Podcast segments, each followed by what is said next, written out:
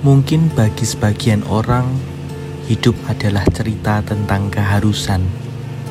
Harus meraih yang terbaik, harus bisa lebih dari orang lain, harus selalu gembira, dan harus selalu semangat. Tapi nyatanya, setahun ini aku juga mengalami jatuh dan bangun. Kalau aku memaknai hidupku, hanya melulu tentang sebuah keharusan, mungkin aku akan kehilangan makna hidupku.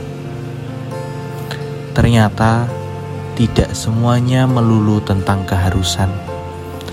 Ada kalanya hidup adalah tentang penerimaan, pengampunan, dan ketabahan. Bukankah Bunda Maria pun adalah sosok yang penuh penerimaan, pengampunan, namun juga pengharapan.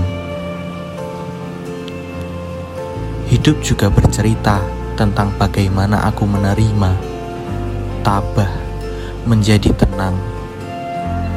Mungkin aku tidak selalu senang, namun mungkin aku akan menjadi lebih terbuka pada apa pun yang dianugerahkan untuk aku alami.